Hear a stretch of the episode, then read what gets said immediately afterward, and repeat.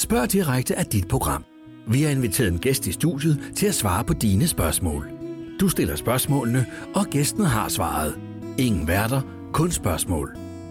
Stil dine spørgsmål på Facebook, Twitter eller sms. Velkommen til. Hej, jeg hedder David Mandel. Jeg er 39 år gammel. Det vil sige, at jeg bliver 40 år øh, næste år. Øh, hvordan går det? Har du det godt? Håber, du har haft en god dag. Jeg har haft en god dag. Jeg har, jeg startet på nyt arbejde i dag. Øh, det gik godt. Tak fordi du spørger. Øh, jeg har lavet mange forskellige ting i mit liv. Jeg har været kassemedarbejder i Irma. Der blev jeg desværre fyret. Jeg har også været det i Netto. Der blev jeg desværre også fyret. Øh, jeg ved det i Fakta, der sagde jeg selv op, så det var en succesoplevelse.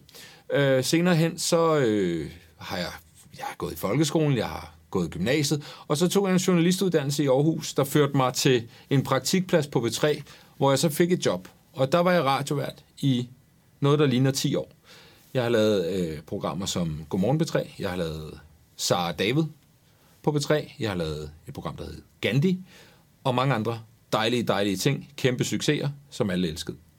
Øh, jeg sagde mit job op for nogle, øh, et par år siden, øh, og gik freelance, som er et, øh, et andet og pænere udtryk for jævnligt arbejdsløs. Øh, I den periode har jeg så øh, lavet nogle fjernsynsprogrammer for den tv-kanal, der hedder Sige, øh, med blandt andet et med Christian Fuglendorf, som blev rigtig godt. Det hed øh, Fuglen og Mantel går all in. Jeg lavede også et program, der hed Seriefix, som også var rigtig godt. Det skulle du tage at se.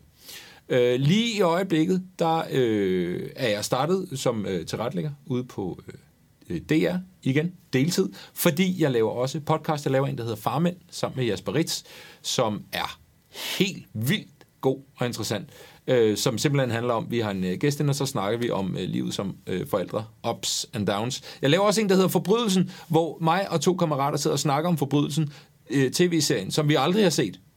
Øh, og, og så ser vi den. Og så prøver vi at gætte, hvem morderen er. Det er forrygende. Det er inde på Podimo, hvis du vil øh, prøve at høre den. Så øh, det er lidt om, hvem jeg er. Det var den korte version. Der er meget mere. Øh, så jeg tænker, at øh, hvis du har nogle spørgsmål, så kan du skrive dem ind. Og så vil jeg svare på dem, så godt jeg kan. Så ærligt jeg kan. Fordi det er jo det, vi kan gøre som mennesker. Lad os tage et spørgsmål. Øh, Janus spørger, jeg elsker farmænd. Hvor er det dejligt. Hvor lang tid bruger I cirka på at forberede jer på hvert afsnit. Og øh, Farmænd, øh, som jeg lige fortalte, er altså, det er cirka en times program, mig og Jasper Ritz laver, så har vi en gæst inden. Det er som regel en, øh, en, øh, en kendt gæst i, i, i en eller anden grad. Øhm, og øh, vi bruger, det er lidt forskelligt, fordi tingen er, at, øh, at man går jo hele ugen og finder ud af, hvad har jeg lyst til at snakke om i Farmænd i den her uge. Øh, fordi det handler jo om, hvad der er sket i mit liv med mit barn, med min kæreste eller kone. Har mit barn været en lille idiot, som børn er nogle gange, eller har han været en, en lille vidunderlig engel, øh, som bare siger søde ting hele tiden. Det er en 50, det er en 60, det er en, det er en 80-20. Øhm, og øh, så derfor så, altså, derfor er det, øh, er det ikke det er svært at sige præcis, hvor lang tid vi bruger på at forberede os. Så skal vi også forberede os lidt på, at, øhm, øh, at, øh, at på gæsten, der kommer, der er en præsentation, der er nogle spørgsmål, der skal stilles. Øh, så alt i alt, tror jeg, slag på tasken. To timer forberedelse per udsendelse. Øh, og så skal det jo klippes bagefter. Øh, der har vi valgt at gøre det, at vi sender det til en klipper. Simpelthen fordi han er meget bedre til at klippe det, end øh, vi er, hverken Jasper eller jeg er særlig øh, teknisk dygtige dygtige anlagt. Selvom jeg lavede radio i mange år, så det sidder ikke rigtig fast. Det er ligesom matematik i gymnasiet. Jeg læste, øh, min, øh, min øh, farmor var matematiklektor og underviste på, på øh, gymnasiet i matematik. Jeg tog derover, fordi jeg kunne sgu ikke rigtig følge med i matematik i gymnasiet, som jeg af en eller anden grund havde valgt. Men det sad ikke fast, for det interesserede mig ikke. Og det er nok lidt det samme med teknikken, tænker jeg, i virkeligheden. Så, øh, men altså et par timer, Janus. Tak fordi du lytter med. Det er jeg helt vildt glad for. Øh, vær ligesom Janus. Øh, Jøltatin. Først, sikkert et dejligt navn. Øh, kære David, jeg bliver nødt til at høre, om du stadig har din rev. Og det har jeg. Øh, til det uindvidede. For mange år siden, der købte jeg en udstoppet rev.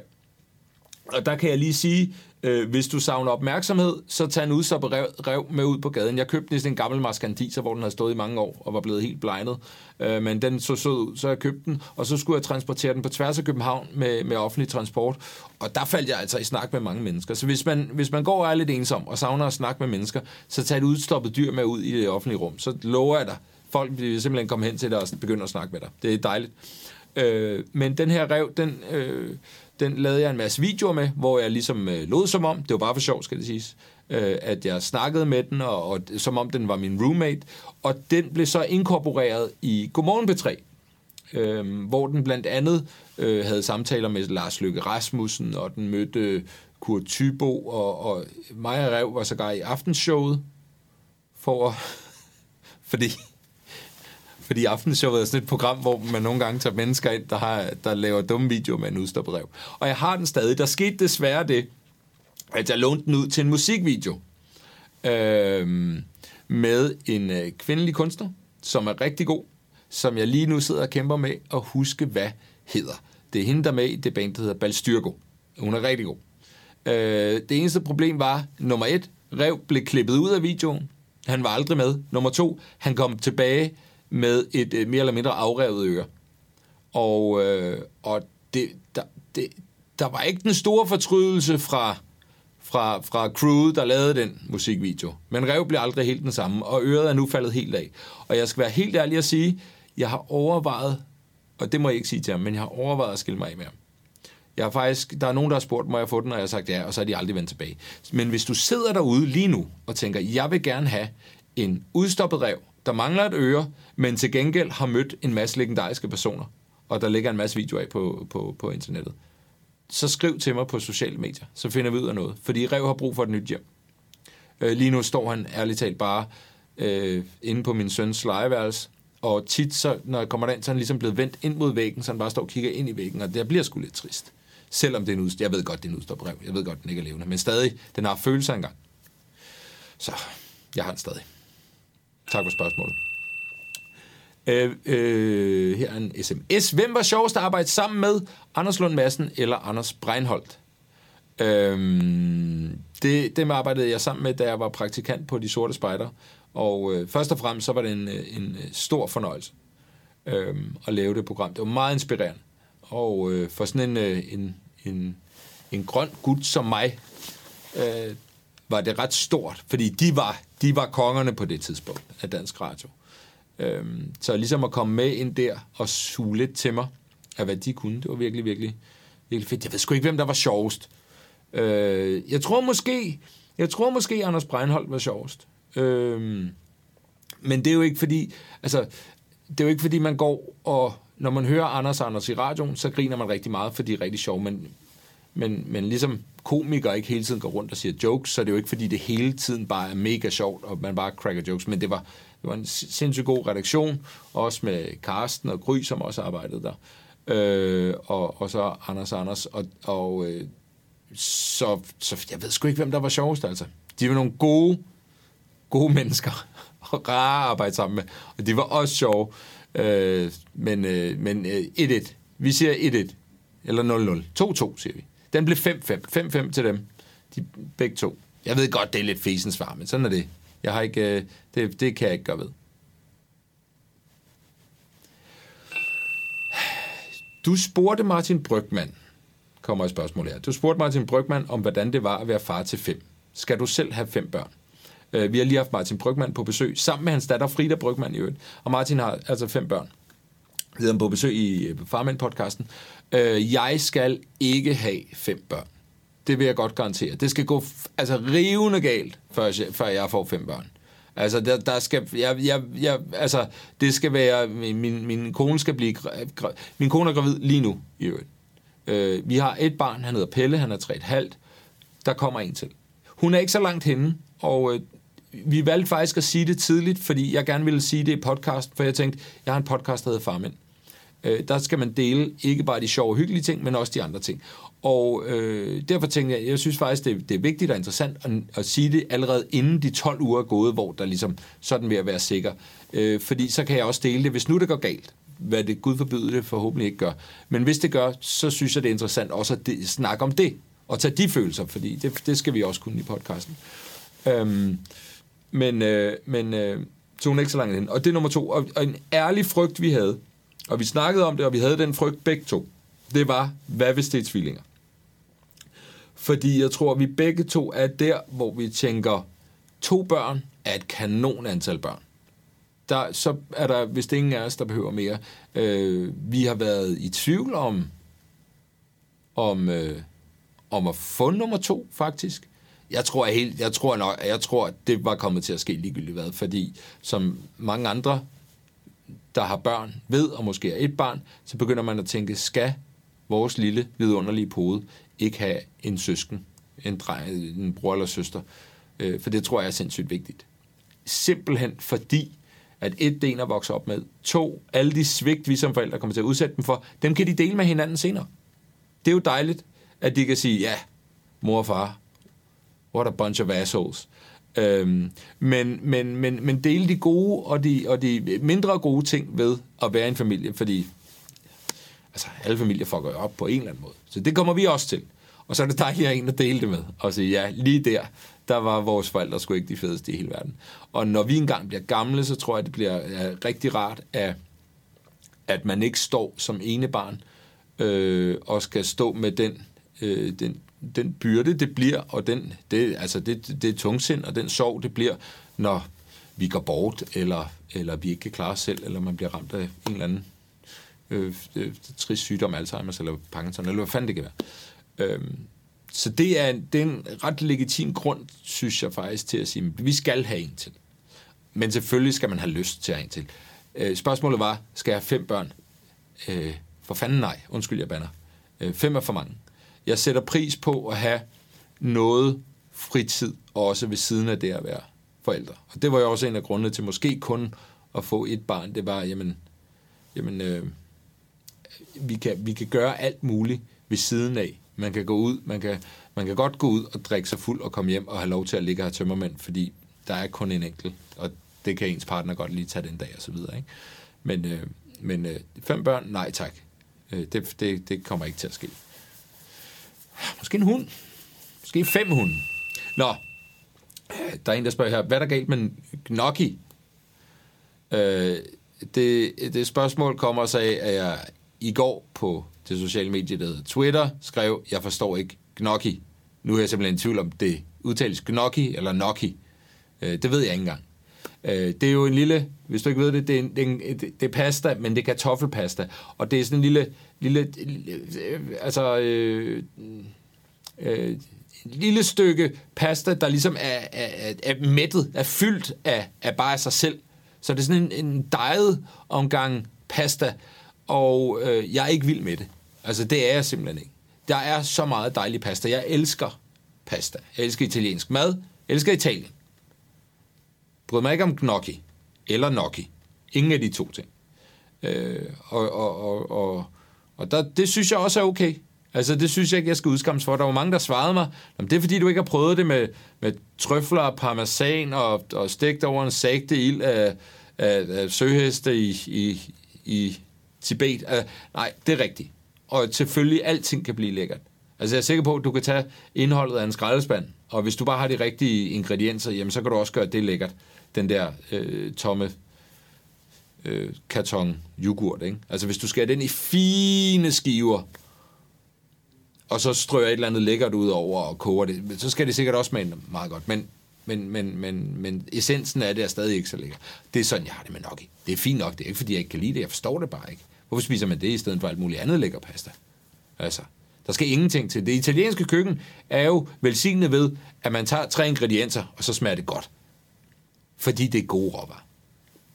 Tomat, tomat og tomat. Så har du en tomatsalat. Med, kun med tomat. Men det er gode tomater, så det smager godt. Øhm, jeg ved ikke, hvorfor vi kom derover. Noki, nej tak. Øh, øh, altså, hvis du inviterer mig til middag, så lad være at lave det. Lav noget andet. Og hvis du har lavet det, skal nok spise det. Jeg er, hø- jeg er et høfligt menneske. Jeg er opdraget godt. Så, sådan er det. Ja. Et spørgsmål fra Ulla. Jeg elsker at følge Camille, Pelle og dig på Instagram. Har I diskuteret, hvor meget af jeres liv I vil vise på sociale medier? Øh, Camille og Pelle er min kone og min søn. Øhm, ja, vi har snakket om det. Øhm, vi har ikke snakket meget om det, fordi at jeg tror, at vi tænker, at vi begge to besidder en eller anden form for sund fornuft i, hvor meget det er jo i særdeleshed øh, vores søn Pelle, tænker jeg på, hvor meget skal han derud? Øh, jeg kender flere, som ligesom har sagt, øh, slet ikke, mine børn skal ikke på sociale medier, det respekterer jeg fuldt ud. Det kan også være, at jeg finder ud af om, om 15 år, at de havde ret, og at Pelle er ødelagt for livet. det håber jeg ikke. Øh, men jeg tror ikke, at jeg tror, at den mængde, vi deler ham, er okay. Det vælger jeg at tro, ellers ville jeg selvfølgelig ikke gøre det. Så er der den del, der hedder, hvor meget man deler ud af sit privatliv. Øh, jeg synes egentlig ikke, jeg er sådan mega privat på sociale medier. Men min kone er ret privat. Hun skriver mange, altså, skriver mange ting, som er, er, er altså, det kan være svære følelsesmæssigt, eller nogen er glade, og så, og så videre, og så videre. Øh, og det er fordi, sådan er hun som menneske. Og det synes jeg bare er dejligt, og jeg har ikke noget problem med, hvis jeg er en del af det. Det synes jeg er helt okay. Jeg har en lidt anden tilgang til det. Men, øh, men det må hun jo øh, selv lægge styre. Så det, det store etiske dilemma ligger i virkeligheden i, i hvor meget man, man smider ens børn derud, fordi de ikke har noget valg. De er ikke blevet spurgt.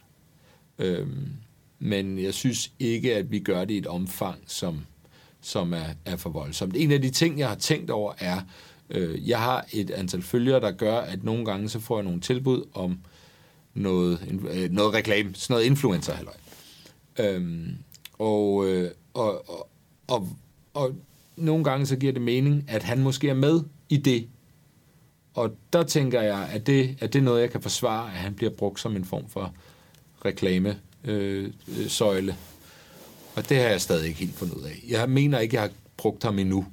Øh, fordi der er også noget i mig, der siger, jamen prøv hvis det er en uskyldig ting, Altså, det er ikke sådan, at han skal stå og holde en tube tandpasta, jeg har fået øh, 8 kroner for at lægge på Instagram og sige, det er den bedste tandpasta helt. Altså, det vil jeg jo ikke gøre. Men det kan godt være, at han lige har med et billede, hvis det handler om, øh, hvad fanden ved jeg, et eller andet til børn eller noget.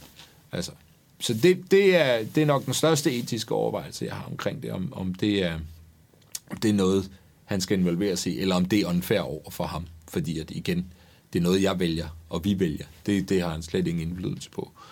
Og det, det vil være rigtig, det vil selvfølgelig være ærgerligt og hårdt, hvis det er et eller andet, der kommer til at ramme en i røven. Øhm, jeg har en tidligere kollega, hvis barn blev genkendt i børnehaven af en, der øh, bare var der og skulle lave noget arbejde, ikke en, der arbejdede i børnehaven. Og det, det ved jeg, det synes, øh, det synes han var, var ubehageligt. Så der, der sløjfede de simpelthen, at hun var på sociale medier. Det kan jeg sgu godt forstå. Altså, det er også lidt mærkeligt. Tak for spørgsmålet. Øhm, der er et spørgsmål her, hvor der står, hvad er det dummeste projekt, som du har lavet? Åh, oh, det dummeste.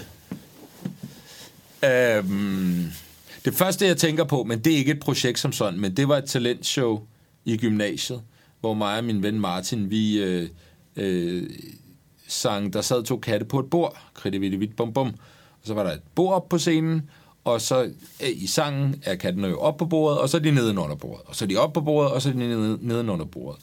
Og det blev vi så ved med at synge og gøre, øh, indtil folk de bare begyndte at smide øl efter os, fordi det var irriterende. Øh, det var rigtig, rigtig dumt. Øh, det dummeste projekt. Øh,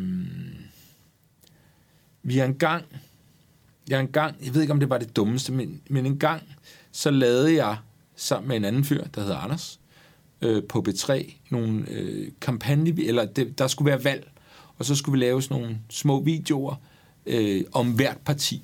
Og det vi gjorde, det var, at vi fik fat i alt deres øh, parti-merchandise, og så lavede vi sådan nogle underlige noget, hvor jeg bare står og blæser en ballon op, og så siger jeg et eller andet irriterende, og så klipper vi lynhurtigt.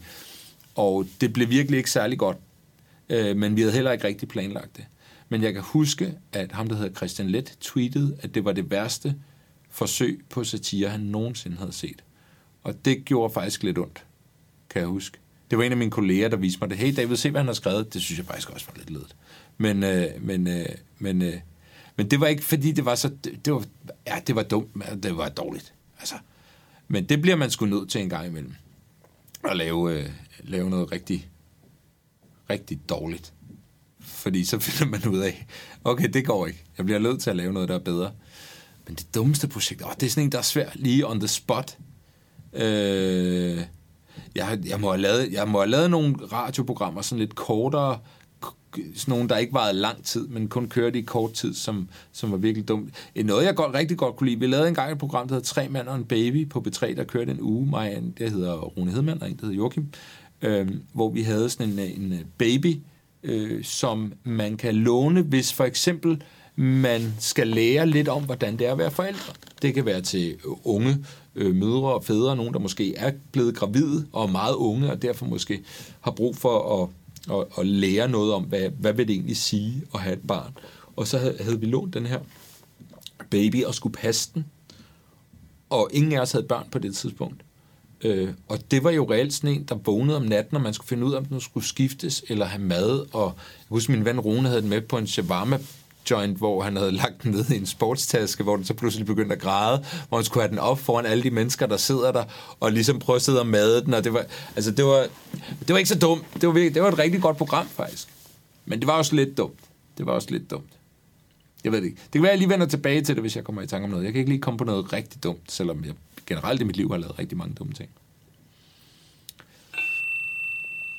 Julie, synes du, at has skal gøres lovligt? Øhm, ja, det synes jeg. Og øh, jeg ved jo ikke alt. Nu, nu er det ud. Jeg ved ikke alt. Men jeg synes, at det er øh, åndssvagt, at man har det her stof. Øhm, og der er nogen, der ikke kan tåle det. Det er der. Der er nogen, der får det rigtig dårligt af det. Øh, men det, der er rigtig, rigtig mange danskere, der, der, der bruger det. Øhm, og, øh, og, og langt de fleste kan, og nu sidder jeg, og nu det skal man passe på med det her, øh, fordi jeg har ikke en masse øh, fakta og, og statistikker, jeg kan læne mig op af. Så det her, det er den her farlige øvelse, der hedder, jeg tror, og jeg føler. Så derfor må jeg ikke holde mig for meget op på det. Det er sådan her, jeg har det. Øh, øh, øh, der er så mange mennesker, der bruger det øh, stille og roligt, uden nogen problemer, som bliver kriminaliseret. Og det synes jeg er forkert, og jeg synes, det er ærgerligt. Øh, øh, samtidig er jeg fuldstændig med på, at, at, at, at øh, has er jo ikke sundt. Så er der hele den medicinske brug af cannabis. Det tyder også på, at der er en masse godt i det. Igen, jeg, jeg vil ikke udtale mig for skråsikkert om noget som helst, fordi det er der for mange mennesker, der gør, der ikke ved en skid om noget som helst. Og det, det, det vil jeg meget gerne undgå. Øh, men, men hvis du spørger til, om jeg synes, has skal legaliseres, helt klart. Helt klart. Jeg tror måske, jeg synes, alle står, altså ligesom i er det Portugal, der er måske også andre lande, jeg synes, alle stoffer skal afkriminaliseres. Øhm, øh, fordi at jeg tror nok, at, at, at i Portugal for eksempel, er der ikke sket en stigning i, hvor mange der tager stoffer. Altså, og det er helt op til, til heroin og kokain og så videre, fordi dem, som, dem, som, øh, dem, som bliver hardcore narkomaner, de var blevet det alligevel. Nu er de også bare superkriminelle oveni. Øhm, og, der, og, der, der, og så tror jeg også, jeg har sådan lidt en, en, en liberal tankegang i forhold til, at jeg synes, at mennesker i grove træk skal have lov til at gøre, hvad de har lyst til. Selvfølgelig skal der være lov. Og, og, og ja, selvfølgelig skal det være lov. Øh, men men, øh, men, øh, men, øh, men jeg, jeg, jeg, jeg at, at, at man skal... Hvis man har lyst til at tage nogle stoffer en gang imellem, så skal man gøre det. Men det gode ved at afkriminalisere, eller gøre, at det er staten, der sælger det, det er, at du har rigtig mange penge, der kan oplyse om alle farerne ved at gøre det. Fordi Guds, guderne skal vide, der er masser af far forbundet med det. Så det skal man, det skal man gøre. Øh, øh, man kan så også gå ind, øh, har man flere penge til at hjælpe dem, som så har røget ud i et misbrug. Øh, fordi det skal de penge selvfølgelig bruges på, på nærmest at sørge for, at folk ikke tager de stoffer, fordi det er farligt. Men hvis folk gør det en gang imellem, og de så har det fint med det, eller sjovt med det, personligt har jeg ikke noget problem. Det må folk skulle selv ligge rode med. Men, men, men, men det er ikke for at negligere, hvor farlige stoffer er. Det, det er slet ikke det. Det er helt med på, øh, at, øh, at det kan gå øh, ruskende galt. Øhm, men det, ah, det er et svært spørgsmål. Jeg må, måske har jeg sagt noget dumt noget nu. Det ved jeg ikke. Det er sådan, jeg har det.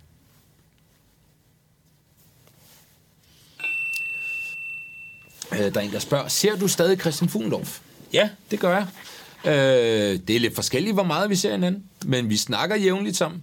Øh, og vi, øh, vi lavede jo som sagt nogle rejseprogrammer sammen øh, sidste vinter-forår 2019, øh, som man kan gå ind og se. Øh, øh, Fuglen og Mandel går all in om amerikansk sport, hvor vi var en masse i USA og se basketball og amerikansk fodbold og ishockey og alle mulige fede ting. Øh, den kan man gå ind og se på sige. Øh, og, øh, og vi kunne rigtig godt tænke os at lave noget sammen igen. Vi var på vej med en podcast, så gad vi ikke det alligevel. Fordi ideen, øh, den, den, den, ideen skal ligesom være der. Det var en ret fed idé faktisk. Jeg tror godt, jeg vil afsløre, hvad ideen var. Men det var også en idé, som krævede, at man gik all in på det, fordi hvis man ikke gjorde det, så ville det blive noget råd. Her er ideen. Det kan være, der er nogen andre, der tager det nu. Det var en god idé, synes jeg. Vi vil lave en pornofilm. Øh, sådan helt reelt, fra start af sige godt. Øh, ideen var egentlig som udgangspunkt, øh, at vi vil lave en rigtig spillefilm. Og så følge hele processen. Jeg sagde, men det er jo lidt urealistisk. Og Christian sagde, ja, det vidste han ikke rigtigt. Det tænkte jeg, det var. Af en eller anden grund kommer vi over til, øh, vi kan lave en pornofilm. Fordi det er der også noget, altså, der er mange interessante snakke i det. Øh, der er både, det er både sjovt, men det er også sådan lidt tabubelagt, og, og hele snakken om, om at se porno, som selvom alle ved, at rigtig mange mennesker gør det, mænd og kvinder, øh, så, så, så er det stadig sådan lidt, stadig lidt tabubelagt. Ikke? Øh, der er hele pornobranchen, som øh, der er rigtig mange fordomme om. De er muligvis rigtige, jeg ved ikke noget om pornobranchen. Vi nåede jo ikke så langt i projektet. Øh, men vi tænkte, det kunne, det kunne være rigtig spændende, og endemålet var sådan helt reelt, vi skulle lave vores egen pornofilm. Øh, så det var, det var hele processen, den var igennem. Den døde desværre lidt, det kan være, den kommer engang. Men øh, vi, vi, lige nu sidder vi og, og kigger lidt på nogle tv-idéer, som vi måske... Men det er jo sådan noget med tv-idéer, dem skal man jo have solgt et eller andet sted. Der er nogen, der skal have lyst til at lave Så det, øh, det skal vi så også håbe på, at der måske er øh, nogen, der er. Men jeg ser ham stadig. Jeg var inviteret til hans fødselsdag, og jeg kom ikke, for jeg kunne ikke. Sådan er det. Sådan er det. Næste år, Christian. Så kan det være, at du også får en gave. Jeg var med til... Det er faktisk rigtig pinligt. Nu siger jeg det her. Øh, jeg var med til hans bryllup. Han blev gift med Karina. Og det var rigtig dejligt. Og jeg havde glemt at købe en gave. For jeg kom direkte fra Roskilde Festival. Og øh, det fortæller han mig stadig nogle gange. Hvilket er fair, fordi det er rigtig dårligt at blive inviteret til et rigtig dejligt bryllup, og så ikke have nogen gave med. Så det er lige en uh, note to self. Husk lige at købe den bryllupsgave til Christian og Karina. Det har de fortjent. Øh, Tisen spørger, hvilket mælkeprodukt er din favorit? Hvis det er ost, hvilken ost? Det er, altså, det er et godt spørgsmål. Øh, det er ikke en ost. Jeg har været ostehader det meste af mit liv. Det er jeg ikke længere, hvilket er en stor glæde. Øh, jeg har været meget kredsen hele mit liv. Så holdt jeg op med det fordi jeg fandt ud af, at ting smager godt. Men øh, øh, nu bliver det lidt personligt. Måske også for personligt. Måske lige frem privat. Øh, hvis, jeg, hvis, jeg, hvis jeg spiser eller drikker for meget, mange øh, mælkeprodukter, så er det ikke så godt for maven. Så derfor bliver jeg nødt til at holde nogle pauser nogle gange. Men øh, samtidig så øh, jeg tror, min livret nærmest er morgenmadsprodukter. Jeg elsker det så højt. Så, øh, så for mig er det en konstant balance. Måske den sværeste balance at finde i mit liv er, hvor mange morgenmadsprodukter med mælk kan jeg spise, uden at jeg får det lidt dårligt. Øhm, og jeg tror, mit favoritmælkeprodukt, det var egentlig det. Og derfor tror jeg faktisk, at jeg vil gå så langt som til at sige, at mit favoritmælkeprodukt er mælk. Letmælk. Økologisk. Iskoldt. Direkte fra køleskabet. Nyåbnet. Det må ikke, det må ikke have været åbnet før. Lige, du tager den ud. Skruelåg. Pap, det er lige meget. Det er ikke det, der er vigtigt. Det vigtige er, at du åbner den, og så lader du det ud over. Jeg kan jo godt lide at blande. Nu får I mere, end hvad I har betalt for. Jeg kunne godt lide at blande morgenmadsprodukter. Så tager vi noget brand, øh, Special K, synes jeg rigtig godt, knaser godt. Og så noget mysli ovenpå med noget ekstra crunchy. Hold kæft.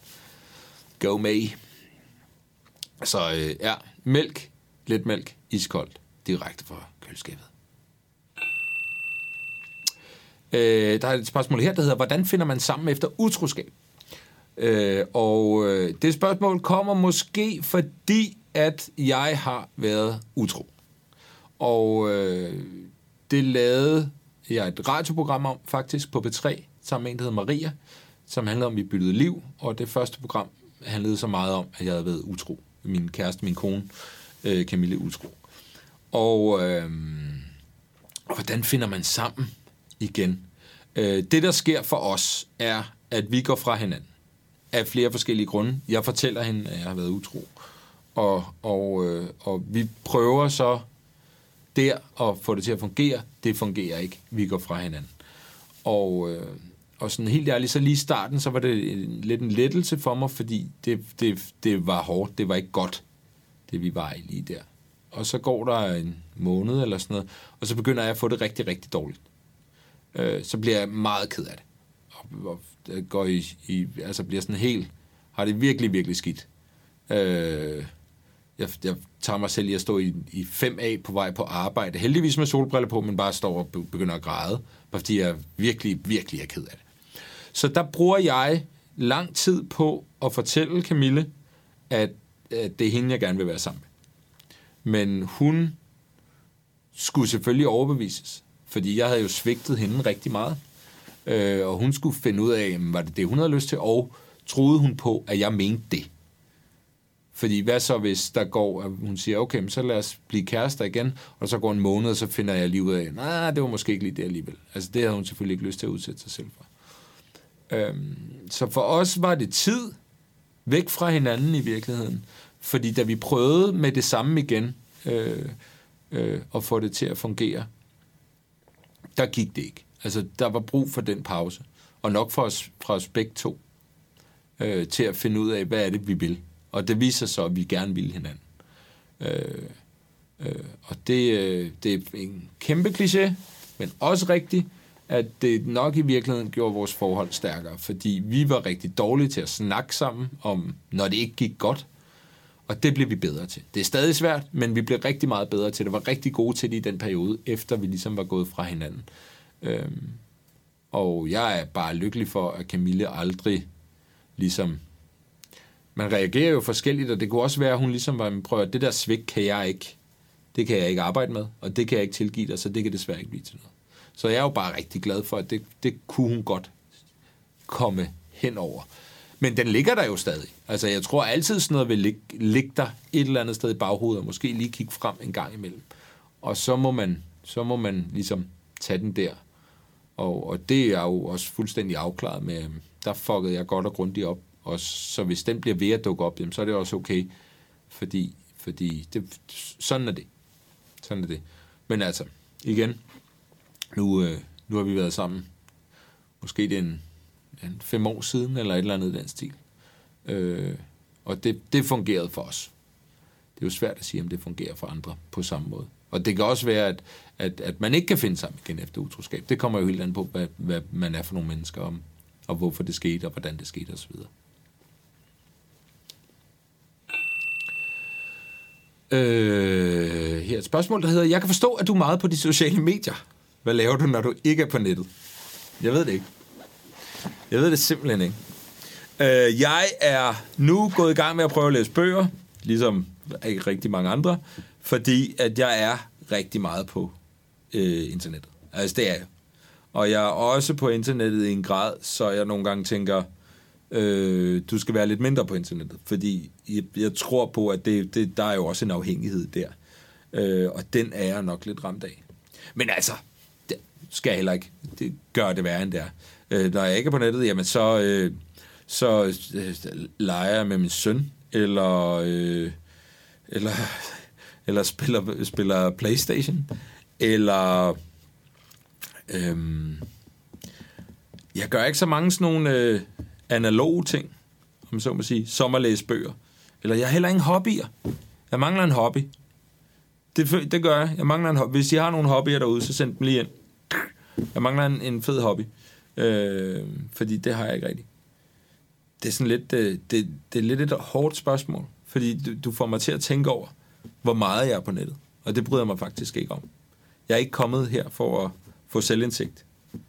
Jeg var kommet for at svare på fede spørgsmål. Men, øh, men øh, øh, nogle gange klapper jeg og knipser, når jeg ikke er på nettet. Jeg tror, det er mit bedste svar. Mange knips. Julie spørger, hvis penge ikke er afgørende, hvilket projekt vil du så kaste dig over som det første? Øh, min store drøm er at skrive en komedieserie til, nu siger jeg tv, det er så gammeldags, whatever, nettet, det er lige meget. Det gad jeg rigtig godt. Og jeg har taget tilløb til det lang tid, og jeg kan ikke komme ordentligt i gang. Jeg har en idé, og jeg har to idéer. Øh, men, men jeg kan simpelthen, fordi jeg har aldrig, jeg har aldrig gjort, jeg har aldrig, jeg har aldrig prøvet sådan noget. Så, så det er lidt uoverskueligt i bare at kaste sig ud i det. Men de mennesker, jeg kender, der gør den slags, er så mega seje, og det er også dem, det lykkes for. Så derfor så tæsker jeg mig selv lidt oven i hovedet i, at jeg ikke kan komme ordentligt i gang. For det, er, det, det gad jeg helt vildt godt at gøre. Øh, så, så forhåbentlig, inden jeg bliver pensioneret, så har jeg skrevet en, øh, jeg tænker det som en umiddelbart en, en komedieserie. Og det kan være fire afsnit, det kan være 200. Øh, det ved jeg ikke.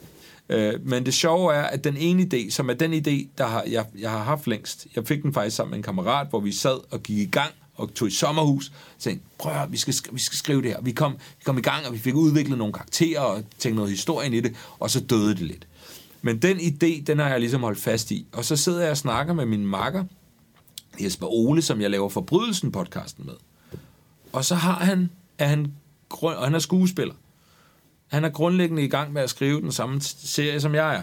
Han er bare meget længere. Han har fået gjort noget ved det. Og det var virkelig noget lort. Og nu er jeg i et limbo, hvor jeg tænker, det er ikke præcis den samme idé, men vi er meget i samme univers. Kan jeg tillade mig at gå videre, eller ved jeg for meget nu? Altså, er det, er det Jesper Oles ting nu? Eller kan jeg stadig godt sige, jamen, jamen jeg har jo haft ideen i seks år, så må jeg vel også. Men på den anden side, det er jo ikke sikkert, at jeg får gjort noget ved det. Øh, så det kan være, at Jesper kommer med sin, og så kan jeg bare rip den over for at tage de bedste dele, og så, så kan det være, at jeg kan få skrevet noget. Men altså, at skrive, skrive en, en komedieserie, det, det ville være det, jeg først kastede mig over, hvis, hvis penge ikke var et issue.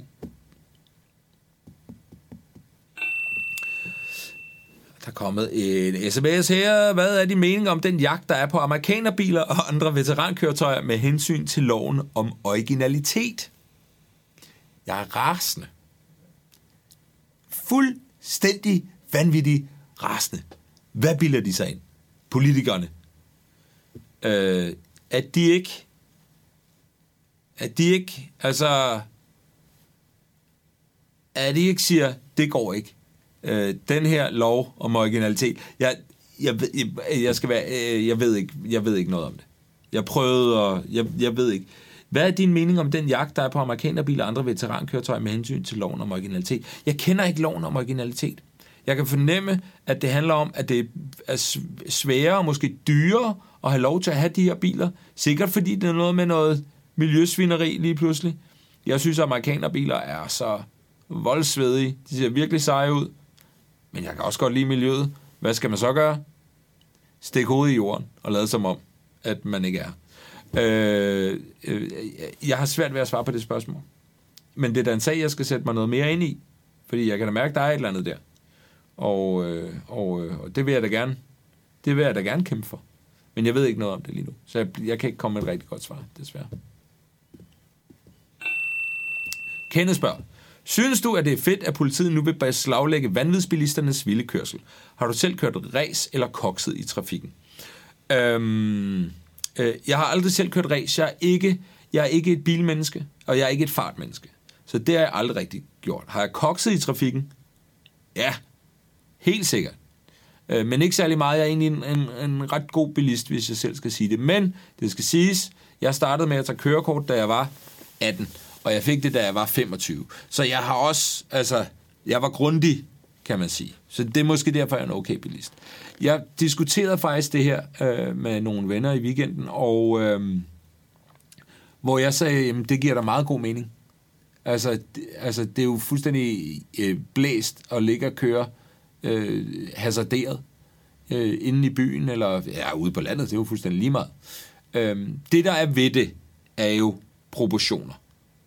Øh, der skal altid være proportioner, men, men, men du ved, Altså, øh, det taler jo også til følelserne med vanvidsbilisme. Det taler til, man tænker straks øh, øh, af en, en fra ens familie, eller ens barn, eller bliver ramt af en eller anden, der kører 120 øh, inde i byen, eller et eller andet.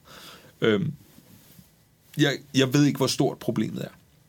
Øh, men hver gang man hører om nogen, der har kørt øh, fuldstændig åndssvagt, så har man jo lyst til, at de skal i fængsel for evigt.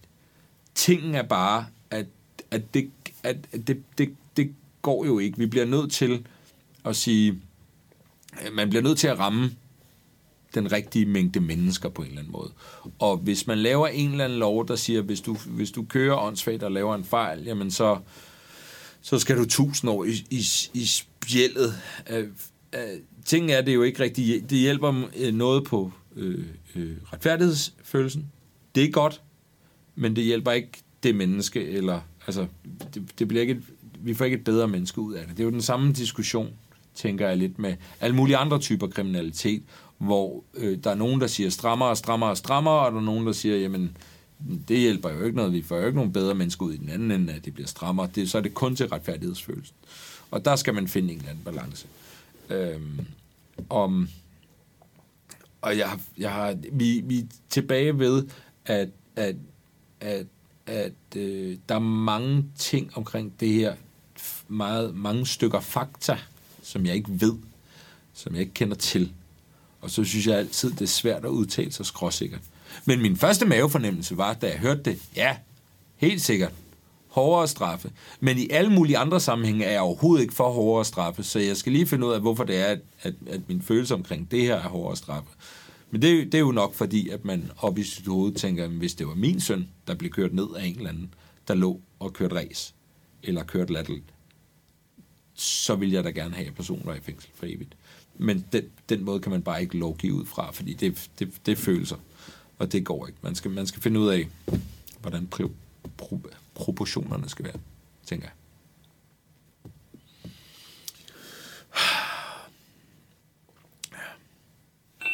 Der kommer et spørgsmål her. Øhm, per spørger, hvordan ser du udviklingen i det journalistiske landskab i relation til podcastområdets store succes? Hvor er læserne, lytterne henne om to år? Det var et stort spørgsmål. Øhm, podcast er en succes, men så stor en succes er det vel heller ikke endnu. Øh, men det er stadig på vej op. Og det synes jeg jo, fordi blandt andet fordi jeg laver podcast, er helt vildt fedt. Og jeg håber, de bliver ved. Fordi en af de ting, der ikke er i podcast endnu, i hvert fald ikke særlig meget af det, det er økonomi. Og det, der kunne være rigtig fedt, det var, at der kom noget mere økonomi, så de dygtigste øh, kunne øh, tjene gode penge, eller penge, altså tjene en, en månedsløn, så de, kunne, så de kunne betale deres regninger. Øh, også gerne gode penge. Måske en million per afsnit. Det vil ikke gøre noget. Men i hvert fald øh, tjene penge på det, sådan, så, så, så, så de kunne blive ved at udvikle deres talent for at lave øh, podcast og lave rigtig fed podcast. Øh, jeg tror ikke, øh, jeg tror ikke, at, at Flow-radioen dør. Det tror jeg overhovedet ikke. Det har man sagt mange gange. Det tror jeg ikke. Jeg tror øh, simpelthen, at det bliver ved og ved og ved og ved med radio, fordi at radio er noget, man tænder ud på badeværelset, eller i køkkenet, når man står op, eller i bilen, når man skal afsted, eller øh, hvis du går på en øh, arbejdsplads, hvor du arbejder uden for mange håndværkere osv., så tænder man for radioen. Så går ikke alle ikke med deres egen film. Man kan jo ikke blive enige om en podcast, alle vil høre. Det kan godt være, at man heller ikke kan blive enige om en radiokanal, men det, sådan er det bare. Øh, så jeg tror, øh, øh, radiomæssigt tror jeg, at den kommer til at leve. Så er der hele fjernsynsting.